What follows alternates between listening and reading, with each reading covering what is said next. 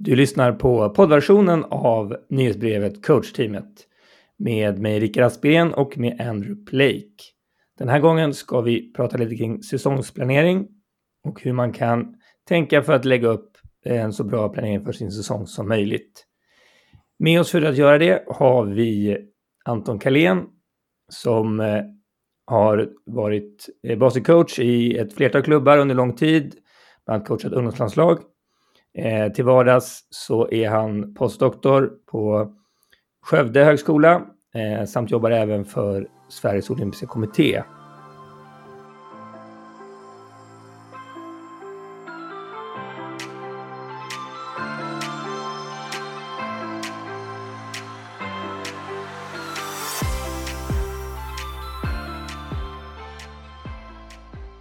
Först och främst då, behöver man ha en säsongsplanering? Ja, men någon typ av planering eh, oavsett om vi pratar om eh, specifikt om säsongsplanering eller, eller vilka, vilken tidsperiod vi än sätter på det så tror jag ju definitivt att vi, man behöver ha om vi nu vill eh, ha någon typ av utveckling eh, och, och många gånger till och med om vi vill se till att vara friska och hela. Eh, sen så beror det väl ganska mycket på nivå och kanske framför allt eh, alltså hur mycket spelarna tränar. Det är väl, börjar man komma upp i, vad ska vi säga, fler än fyra träningar i veckan och en till två matcher per helg, ja då kanske man då bör man nog kanske ha en eh, lite mer detaljerad säsongsplanering och, och ännu bättre koll på belastning och, och se till att inte överbelasta och periodisering av, av träningsbelastning och så vidare. Har man Mm. Eh, färre, fyra eller färre träningar i veckan och, och, spelarna spelar en till två matcher per helg, då kanske man eh, rent belastningsmässigt inte behöver ha lika detaljerad träningsplanering, men, men någon typ av, av plan eller idé för, för hur vi ska träna och hur vi ska bli bättre behövs ju eh, definitivt. Och hur liksom i, i praktiskt då? Vi, nu ska jag starta säsongen här. Vad bör min säsongsplanering innehålla? Hur bör jag tänka kring för att göra en bra plan för säsongen? Det första och kanske det absolut viktigaste är ju om vi nu pratar utvecklingsnivå, eh, utvecklingsfokus i första hand. Så vi, vi, vi, om jag, vi tänker inte herrligan, damligan, basketligan herr, basketligan dam utan, utan kanske utvecklingsnivå så skulle jag säga att eh, det, det absolut viktiga att ha med är ju någonstans eh, men, vad har vi för mål med säsongen? Så vad, vad ska spelarna i slutet av säsongen kunna göra på basketplan som de inte gör nu? Vad vill vi se på plan i april som vi inte ser på plan nu? Och troligtvis samma idé rent fysiskt. Vad vill vi, vad vill vi att spelarna ska vara bättre på rent fysiskt i slutet av säsongen än i början av säsongen? Det, det skulle jag vilja säga att det är någon form av absolut miniminivå. Det bör, det bör vi som tränare ha med oss i bakhuvudet oavsett nivå egentligen. Uh, sen efter det så beror det ju, alltså, sen blir det ju ganska specifikt utifrån nivå och hit och dit. Men, men någonstans så bör man ju ändå ha kanske en, en första koll över schemat. Alltså åtminstone, ja, men, uh, när börjar vi spela matcher? När slutar vi spela matcher? Har vi någon idé kring vilka kupper vi kan tänkas åka på? Har vi någon idé kring när det finns Eh, luckor i, i, i matchspelandet? Eh, vet vi när hallarna är öppna? Vet vi... Liksom, jag, men jag, har, jag har coachat i en kommun där, där, där hallarna behövde sommarlov. Eh, hallarna behövde vila under sommaren. Det är en sån sak som kanske är ganska bra att veta. Eh, liksom, så att man inte då planerar in eh, dubbla träningspass hela sommaren eh, och bygger hela sin plan på att man kan göra det och sen så, ja. Um. Och när man har sett en sån, liksom, vi har, vi har ett, eh, det här vill vi att de ska göra, eller liksom dit vi vill komma med, med vår säsong. Hur, detaljerad ska man vara i nästa skede liksom med, med eh, ska man redan från början sätta plan för, för, för varje vecka eller ska det komma vartefter och med vilken tidsintervall i så fall? Jag tror att igen om vi pratar ungdomsnivå kanske framför allt så, så tror, tror jag ärligt talat inte att man kanske behöver vara så där jättemycket mycket mer specifik i planeringen man gör innan säsongen. Eh, det brukar hända så pass mycket under en säsong att, att eh, ja, när man väl är inne i oktober så, så är planen helt ändrad ändå. Då tror jag att det är viktigare att lägga tid och energi på att ha en, en, eh, en idé över hela säsongen och sen ta det successivt, eh, skulle jag säga. Men, men jag tror något, ett, ett problem som kanske många har är att man oavsett hur, hur bra detaljerad säsongsplanering man än gör, att man sen, sen blir lite för kortsiktig. Eh, att liksom, men, det tar tid att lära sig saker. Det tar tid att bli bättre på saker. Så att, att, ha, att sen gå direkt från att planera en hel säsong till att tänka bara, bara nästa träning, nästa träning eller tänka kommande tre träningar, alltså nästa vecka tror jag lätt blir för kort. Jag tror ändå att man bör ha liksom, en planering för kommande ska vi säga, två till fyra veckorna kanske. Och då, sen kanske man inte behöver ha så planering så mycket längre än det. Men okej, okay, men om vi vet vad vi vill uppnå, om vi vet vad vi vill att spelarna ska göra i matchspel när säsongen är slut som de inte gör nu. Då kan vi ju därifrån också säga, ja men okej, okay, första två, tre, fyra veckorna, vad, vad vill vi lägga tid och energi på? Vad är, liksom, vad är fokus nu kommande två, tre, fyra veckor? Och, och, då, och hur skulle du analysera dem uh, när du ser två till fyra veckor och vart man har tagit, alltså hur man har utvecklats, hur spelarna utvecklas, laget. Hur som, hur som tränare kan man då se ifall man har gjort en progression eller inte? Uh, det, det, det, ju, det, blir ju svårare när vi pratar basket än när vi pratar fys. Så är det ju, vilket gör att eh, när man pratar träningsplanering så blir det ju lätt fys för att det är lätt att, och, eh, att ha koll på. Men, men jag tror att ett verktyg som ändå gör att man kan ha en relativt god koll på är ju eh, igen, vi kommer tillbaka till att, att kunna någonting innebär ju att faktiskt att spelarna faktiskt gör det i en spelsituation. Så någonstans ska vi ju titta på, ja men i hur komplex övning klarar en spelare av att göra saker? Alltså, eh, klarar spelarna av att göra det i matchspel? Alltså när vi är och spelar match, då är vi ju verkligen i hamn. Sen kan man ju alltid fortsätta bli ännu bättre, men, men liksom, då kan vi väl kanske ändå säga att vi är i hamn med att ha lärt oss det här nya. Se, en nivå under det är ju att ja, men vi ser i någon form av öppet spel som går upp och ner på träning. Alltså 5-5 helplan eller 4-4 helplan. Något sånt.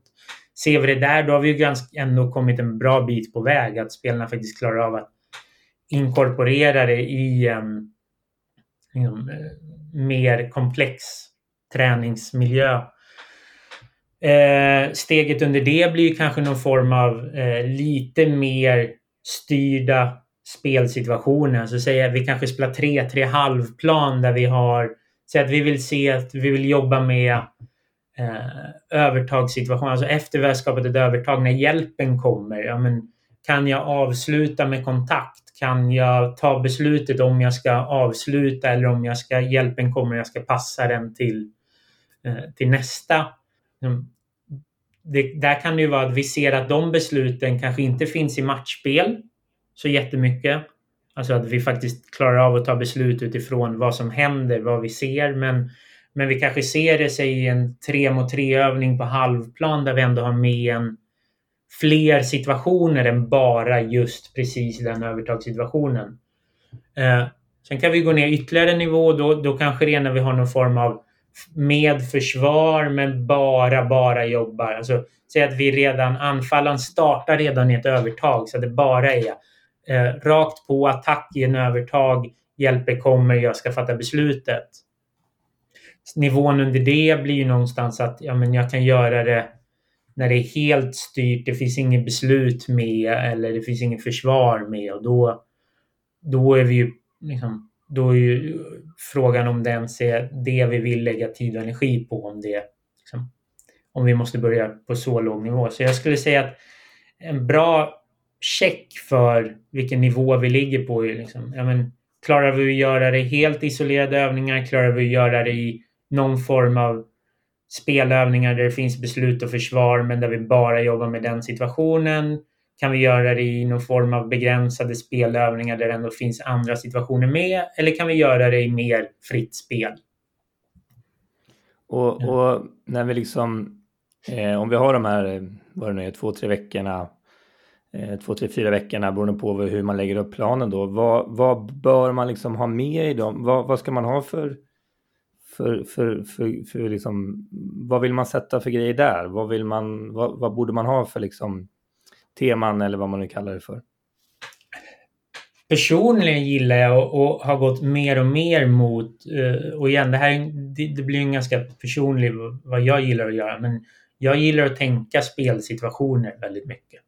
Alltså, eh, säg att vi har, ja men vi vill i år vill vi skapa ganska mycket övertag från handoff situationen, dribble handoff situation. Vi, det är en del i vårt anfallsspel eller det är en del av våra liksom, regler eller, eller principer i anfall. Um, ja, men då, kanske, då kanske vi vill lägga två till fyra veckor på att jobba med den handoff situationen. Se till att vi förhoppningsvis om två till fyra veckor. Och det kan antingen vara att vi sätter en liksom hård tidsgräns eller så kan det vara att vi sätter att ja, men vi jobbar på det tills vi klarar av att skapa ett övertag ofta i den situationen. Um, och då går vi vidare.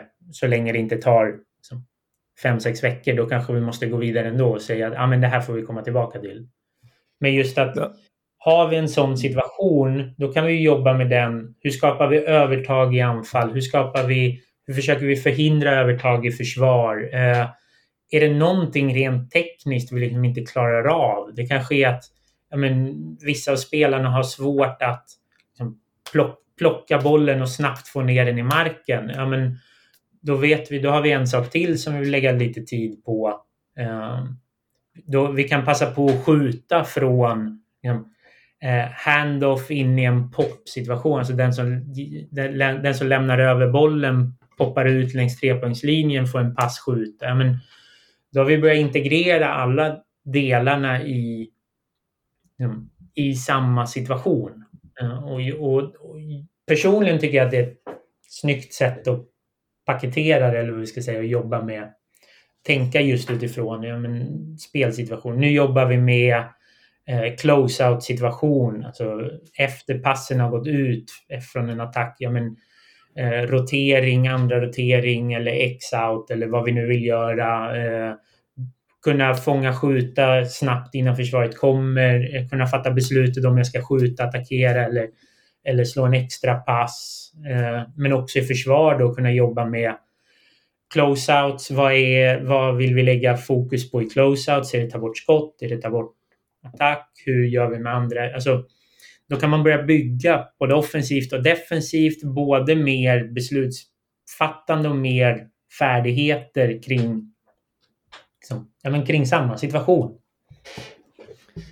Och, och hur liksom eh, hur många sådana här grejer borde man ha samtidigt? Borde man ha, men nu har vi en spelsituation som, som, vi, som vi, nu tränar vi på handoff här i, i tre veckor.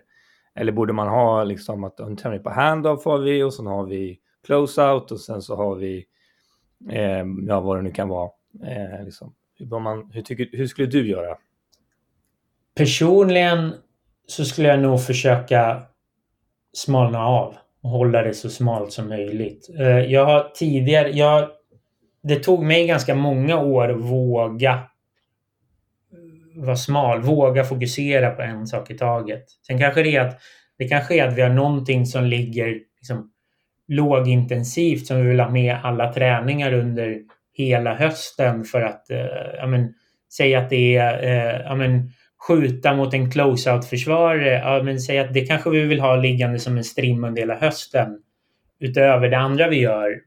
Liksom, visst kan man slänga in sådana små saker men jag, jag tror att eh, det inte är helt fel att våga fokusera på en, en situation. Och igen, då blir det den globala situationen som vi pratar liksom, beslutsfattande anfall, beslutsfattande försvar, färdigheter anfall, färdigheter försvar. Hur jackar vi in den här situationen i de andra situationerna? Alltså, eh, så det, det, det, finns ju ändå ganska många saker att jobba med kring situationen. Men jag skulle säga både när vi pratar om hela säsongsplaneringen, att våga, men, har vi den här säsongen vill vi bli bättre på de här två sakerna. Punkt. Allting annat vi blir bättre på, jättebra, det är plus, det är liksom bonus. Men de här två känner jag mig missnöjd med om vi inte lyckas få till under säsongen. Och samma sak eh, liksom, i, i de här perioderna, alltså mesocykler om vi pratar traditionell träningsplanering, men de här liksom, eh, ett par veckor perioderna, samma sak där. Ja, men, vi vill ju ändå komma till att vi har sett en, liksom, vi ser en utveckling. Vi ser att efter de här två veckorna, efter de här tre veckorna, så är vi bättre på någonting än innan. Och, allra, och framförallt att spelarna ser att vi är bättre på det här efter än innan. Och där kanske man behöver hjälpa dem lite, men, men det är otroligt mycket mer motiverande att se att man blir bättre än att inte se att man blir bättre. Mm. Hur, hur bör man tänka med, jag tänker med, för att man har lätt som tränare att man vill säga allt man ser och allt som händer och ge feedback på allt. Som, det är väl en balansgång, men, men jag tänker bara hur man ska liksom förhålla sig till andra delar som inte då egentligen ingår i vårt fokus kanske de här tre veckorna. Det vill säga att vi kanske vi ska fokusera på den här handoffen, eh, men det händer ju massor med andra grejer. Eh, hur mycket ska man liksom fokusera sitt, sin kommunikation som coach till spelarna utifrån det man vill fokusera på kontra att man vill hjälpa dem med allt som är att vara en basketspelare. Jag tror återigen att man, man vinner mycket på att vara ganska smal där. Alltså, om vi har fokus på den här handoff-situationen så har vi fokus på den här handoff-situationen. Eh, och kanske till och med, ja men den här träningen så har vi fokus på en viss del av handoff situation. Alltså säg att vi jobbar kanske ganska mycket med att hitta tajmingen in i dribble handoff så att, vi, liksom, så att inte någon kommer och stannar och måste stå stilla ett par sekunder eller att den som kommer och ska hämta bollen kommer för tidigt. Alltså, men då kanske då vill vi ändå lägga tid och fokus på det. Sen kan det ju vara att det kan ju finnas ska säga, saker innan det som men, om, vi inte, om den som ska den som har bollen och ska komma in i hand och dribbla in i hand situationen, om den personen inte eh, liksom klarar av att dribbla in i den situationen, ja, då, då kanske man är så illa tvungen att säga någonting, alltså coacha någonting för att ens kunna få det att funka. Men jag tror att hålla det så smalt som möjligt. Och där tror jag att det kommer igen tillbaka lite med att ha en grov idé och att ha en plan ha en kommunika lite av en kommunikationsplan. Att, ja, men, det är väl en sak, vad, vad ger jag ett individuellt tips för en spelare som står på sidlinjen? Kan troligtvis vara mycket bredare än vad är jag beredd att stoppa en övning och prata inför hela gruppen om? Uh, och det tror jag, ett så tror jag att vi gör det alldeles för, Vi har en tendens som coacher, jag i alla fall, att göra det alldeles för ofta i regel liksom att, att stoppa övningar och så istället för att ta mer individuellt eller, eller i smågrupper och så. Men att ha en idé. Okej, okay, är det här som är fokus? Ja, men då är jag beredd att stoppa övningen för det här. Eh, jag är beredd att ge eh, feedback i helgrupp kring det här. Sen om jag sen plockar en spelare som mm, när den står i ledet och, och pratar om något annat. Ja, men som sagt, där kanske jag kan vara bredare i min, men att vara medveten om vad, när och hur jag vill kommunicera saker. Jag tror att det, alltså, det kommer tillbaka så mycket till att ha någon typ av plan. Mm.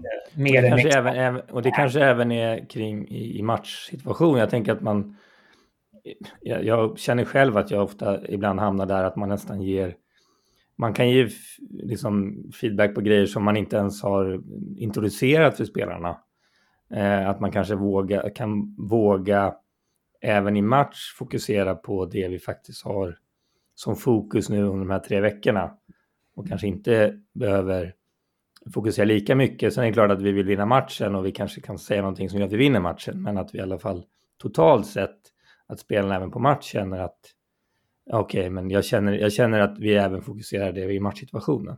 Absolut, det tror jag också. Jag tror att vi... Mm, alltså, och det, det kommer tillbaka till samma sak att eh, även i matchsituation har jag eller förhoppningsvis vi som coachstab en plan för kommunikationen. Alltså, vet vi vad vi vill lägga fokus på, hur vi är beredda att kommunicera vilka saker, eh, liksom, vad, vad vill vi, vilka saker vill vi ta individuellt med spelare på bänken, vilka saker vill vi lägga fokus på i en timeout, vilka saker vill vi, vilka saker kan vi skrika ut till spelarna på plan live. Alltså, har jag som coach tänkt på de här sakerna. Och det, igen, det behöver inte vara att vi ska vara liksom, eh, extremt rigida och, och, och, i våran box och inte, men jag tror att för mig i alla fall så tog det...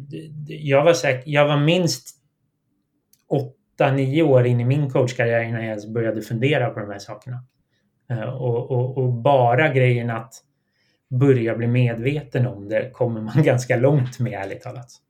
Jag, jag skulle vilja gå tillbaka lite till när vi, när vi ska göra säsongsplanering. Du pratade först och främst att man skulle sätta sina mål. Eh, kanske som grupp, men även som träningsgrupp. Alltså spelarna och sen kanske coacherna själva också gör några mål. Sen skulle man se över sin, sitt schema. Hur ser matcherna, kupperna, uh, eh, lite belastning utifrån. Sen, sen nämnde du en grej tidigare när vi pratade om individuella schema för, för individer med om det är hög belastning i skolan, andra idrotter. Hur tar man hänsyn till sånt i, i sin säsongsplanering? Nu kommer vi in på extremt viktiga bitar eh, som, som vi hoppade över tidigare lite grann. Men, men just det här att, att vi har koll på spelarnas, eh, alltså, eller individernas ska jag väl säga, eh, helhetsbelastning eh, tror jag är jätteviktigt. Man kommer ganska långt bara på att veta eh, vilka går på basketgymnasium eller har eh, liksom basketprofil om man går på högstadiet. Vilka spelare håller på med andra sporter. Vilka kan tänkas dubbla och träna eller spela med flera lag. Har jag någon koll på när de har haft eh, friluftsdag i skolan? Alltså, bara steget att va, faktiskt ha lite koll på de här sakerna kommer man ganska långt med. Men sen så, och sen så är det ju liksom, igen, börjar, börjar man ha någon som tränar andra sporter, eller framförallt det stora problemet är ju kanske om man folk som dubblar och tränar, spelar med, med flera lag så är det ju alltså, det kommer tillbaka till vem, vem är ansvarig för individens helhetsbelastning? Alltså, om det nu är så att spelaren, individen, drar på sig en överbelastningsskada för att belastningen är för hög, vems fel är det? Och om vi, om vi inte har en idé kring det här, utan vi säger att det är upp till spelaren, då säger vi också att det då säger vi också implicit att ja, men det, det är den här tolvåringens fel att den har tränat för mycket och blir överbelastad och skadar sig. Det är ditt fel som tolvåring att du har skadat dig. Och den stora frågan där är, är vi som vuxna, förhoppningsvis rationella ledare beredda att lägga hela, den, hela det ansvaret på en 12, 13, 14, 15, 17-åring? Om vi inte är beredda att lägga det ansvaret på den individen, då måste vi ha en plan för men vem har koll på och vem ansvarar för helhetsbelastningen? Vem har mandat att säga nej, gå inte till den där träningen. Om vi inte har någon som har det mandatet, då lägger vi implicit hela det ansvaret på ungdomen eller barnet. Och, och den här frågan tycker jag är jätte, jätterelevant och jätteviktig i planeringen. För det här, det här ser vi ju så ofta att ett att vi lägger belastning eller ansvaret hos uh, spelaren själv. Men det finns väldigt lite tillit för spelarna när de väl säger att ah, jag kan inte dra för jag har studier eller återhämtning eller annan träning, att det blir ett frågesättande. Så ett, så vill de att de har ansvar, men, men de, det finns ingen tillit till det ansvaret. Men jag tror vi alla känner, och svaret bör vara att ansvaret bör lägga, ligga hos tränarna, ledarna, föreningen. Men jag tycker det är så, så viktigt i det lyfter att man har ett, ett helhetsperspektiv på säsongen, eh, på skolan också för att skapa en mer motiverande miljö för, för idrottaren så att de känner att belastningen är på rätt nivå. Uh, att det är en trygg idrottsmiljö för dem så att de vet att ja, men, de, de kan hålla på med fler idrotter eller fler lag. Att folk har hänsyn till, till min satsning eller mitt, mitt idrottande. Så det tycker jag är jätteviktigt att vi lyfter just det här. Uh, men men hur, hur, hur, vet man då när, när alltså hur vet man att det, att det är för mycket belastning? Om en spelare säger att Ja, men jag har fått frågan om att träna med, med ett lag äldre. Eh, men det, det är innan träning, jag hinner med båda. Eller eh, man har haft en kupp eh, hela helgen och spelat fem matcher. Och sen har vi träning klockan fem på måndagen. Hur vet man liksom vad, ja, när det blir för mycket och vad som är för mycket? Om de spelar eh, fotboll innan, bör de eh, ha basketträning efteråt? Eller beror det på vad det är för idrott? Eller? Där handlar det ju, alltså det finns ju, det finns vissa verktyg som, där man kan försöka kvantifiera, alltså sätta nummer på de här typen av belastningar. Sen så kommer man ju alltid missa.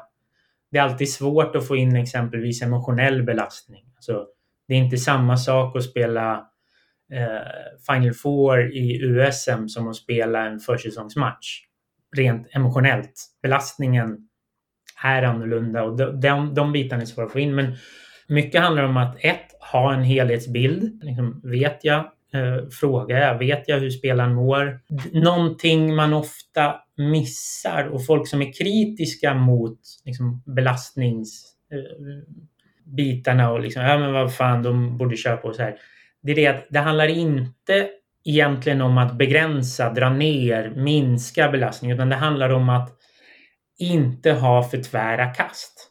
Alltså, eh, någonstans så brukar man säga när vi pratar liksom rent fysiologiskt, eller när vi pratar liksom träningslära rent så, ja, men plus minus ungefär 10 procent i träningsbelastning från vecka till vecka. Uh, och sen så finns det ju alltid så här, ja men visst det är klart att man tar någon vecka helt off uh, liksom under uh, när det inte är säsong och så vidare. Så att, men, men någonstans en, man kan åtminstone ha med sig i bakhuvudet att det viktiga är att belastningen inte ökar eller minskar för mycket för snabbt. Det vill säga att om, jag, om den här spelaren nu i fyra veckor har tränat tre gånger i veckan och spelat en match och sen så helt plötsligt kommer två veckor med åtta träningar och tre matcher så är det mer än en fördubbling av belastningen. Så då kanske man, om man vet att man ska ha väldigt mycket match, så kanske man ska fundera på om ska vi ha den där träningen då i veckan? Ja. Kanske vi bara ska ha två träningar den veckan för att eller veckan efter. För att vi totalt men, sett men det kanske också handlar om hur kan vi successivt trappa upp belastningen för att bättre vara förberedda för det. Så att, och det är, mm. där, det är där man ibland fastnar lite i att hela tiden ta bort, minska, göra lättare. Eh, men hälften av gångerna kan det handla om att nej men, öka, öka belastningen successivt innan så att vi har så att vi långsakta men säkert har trappat upp. För det farliga är egentligen inte hög belastning, det är hög belastning för snabbt. Just det här när det blir för tvära kast upp och ner hit och dit. Eh, man har haft sommarlov, inte tränat någonting och helt plötsligt så sätter skolan igång, basketen igång, eh, basketen med de som är ett år äldre igång, eh, gymnastiken, eh, man har eh, extra lektioner i, eh, vad vet jag, engelska från att ha legat på stranden i, i Grekland. Eh, det är en ganska stor ökning både av den rent fysiska belastningen men också den mentala belastningen. Och just det här att ha med mental belastning, emotionell belastning och, och någonstans hålla, men hålla belastningen vecka till vecka på en relativt jämn nivå. Och förhoppningsvis, vi vill ju kanske sakta men säkert trappa upp så att vi så att spelarna över åren tål mer och mer belastning. Så att, liksom, så att när de blir äldre så ju äldre de blir desto mer kan vi träna.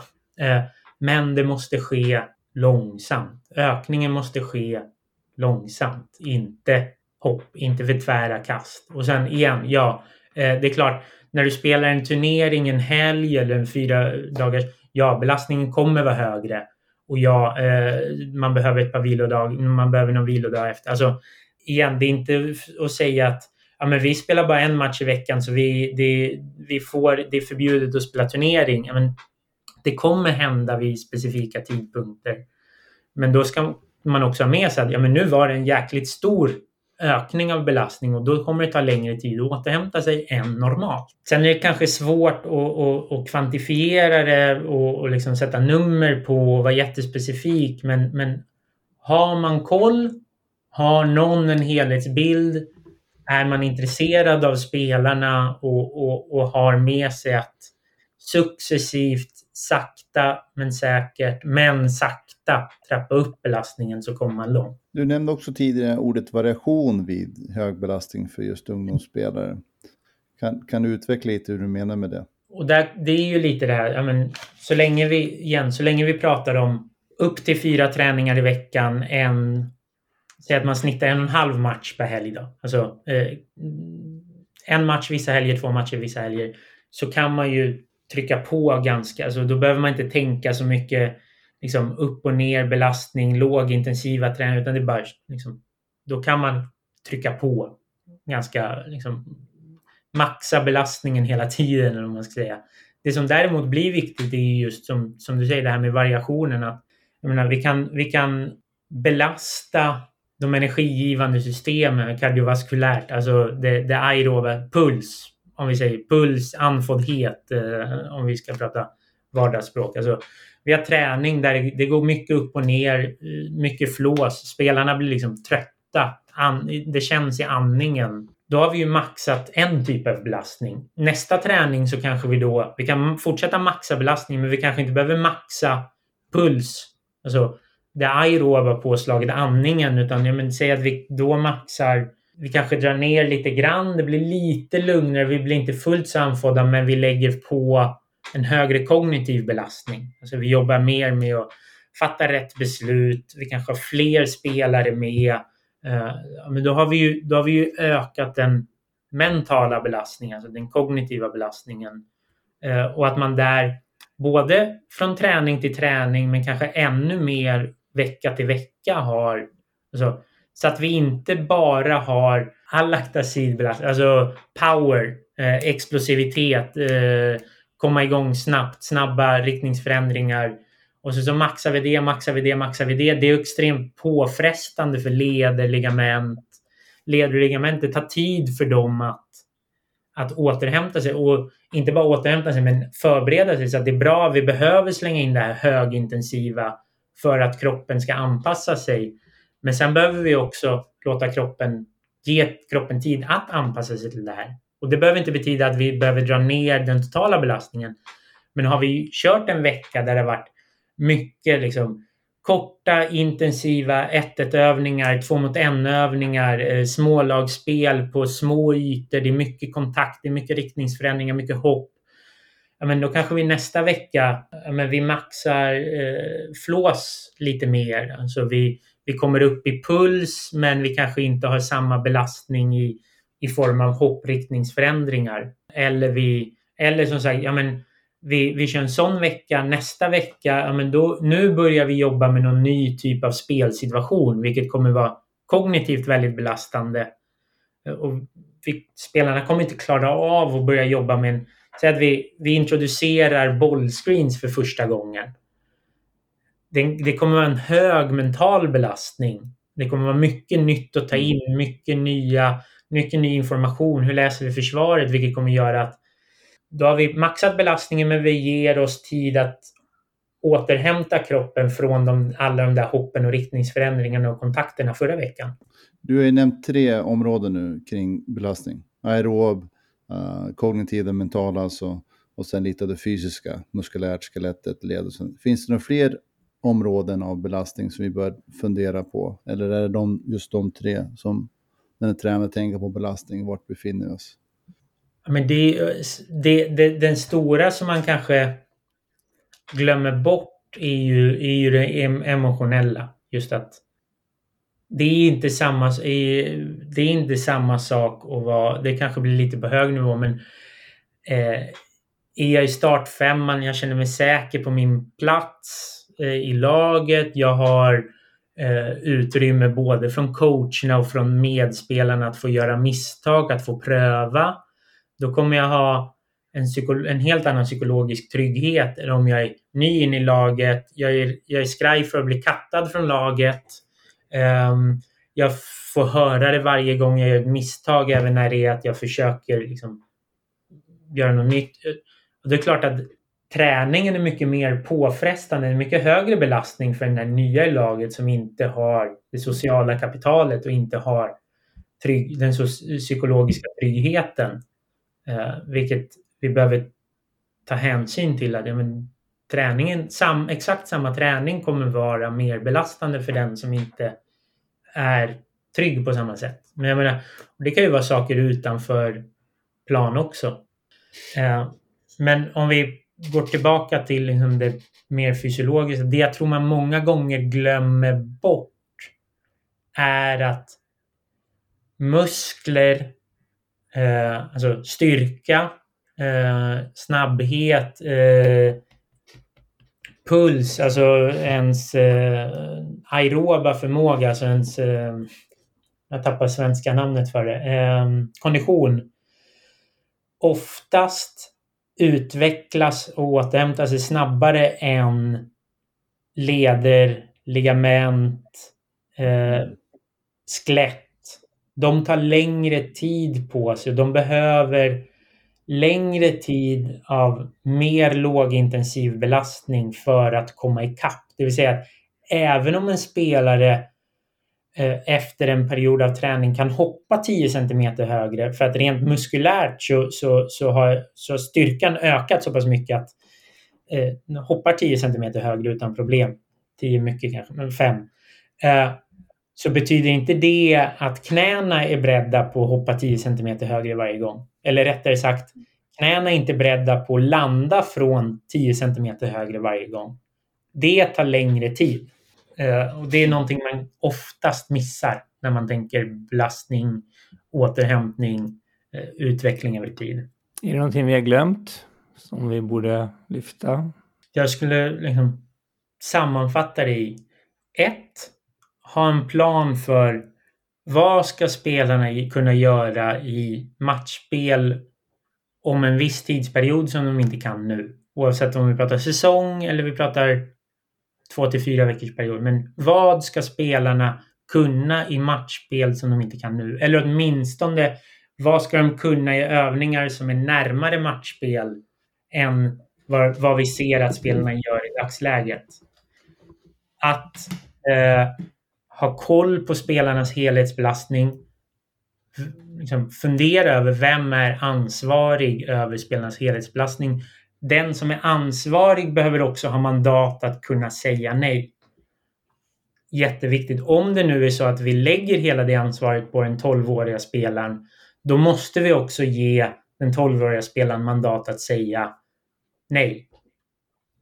Eh, sen skulle jag säga att maxa belastningen. Har du inte för mycket träning, liksom, har du inte fler än fyra pass i veckan, kör på, tryck på, belasta mycket, men fundera på variera vad för typ av belastning det är. Och sen så kommer det tillbaka till att för att bli bättre, för att utvecklas så krävs det högintensiv träning.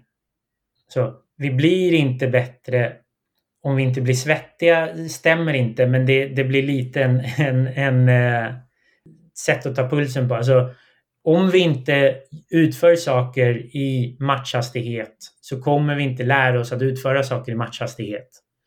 Eh, om vi inte sprintar i maxhastighet så kommer vi inte bli snabbare. Om vi inte hoppar så kommer vi inte kunna hoppa högre. Alltså vi behöver den högintensiva träningen. Och upplever att vi generellt att det är ett utvecklingsområde i svensk basket? Eller hur ser du på det? Det gör jag definitivt. Mm. Eh, jag tror att vi, vi... Jag upplever att vi många gånger har alldeles för lågintensiva träningar. Och igen, det handlar inte om att vi ska helt plötsligt från noll slänga in eh, liksom, eh, 45 minuter sprints upp och ner eller eh, liksom, men det, det, det är någonting vi successivt över tid behöver bygga upp. Men mycket av liksom, vi har dålig kondition hör man ibland. Ja, men frågan är hur mycket tränar vi kondition när vi har basketövningar? Uh, så får vi upp, kommer vi upp i tillräckligt hög puls, tillräckligt... Så blir det jobbigt att andas i några av våra basketövningar överhuvudtaget? En sån fråga vi kan ställa oss. Eh, ja, men vi skjuter för långsamt. Ja, men när tränar vi på att skjuta tillräckligt snabbt? Om jag liksom checkar av alla de här sakerna så kan jag nästan kommer spelarna bli bättre på det. Så jag tror definitivt att vi många gånger tränar för lite högintensivt. Eh, det tror jag, helt klart.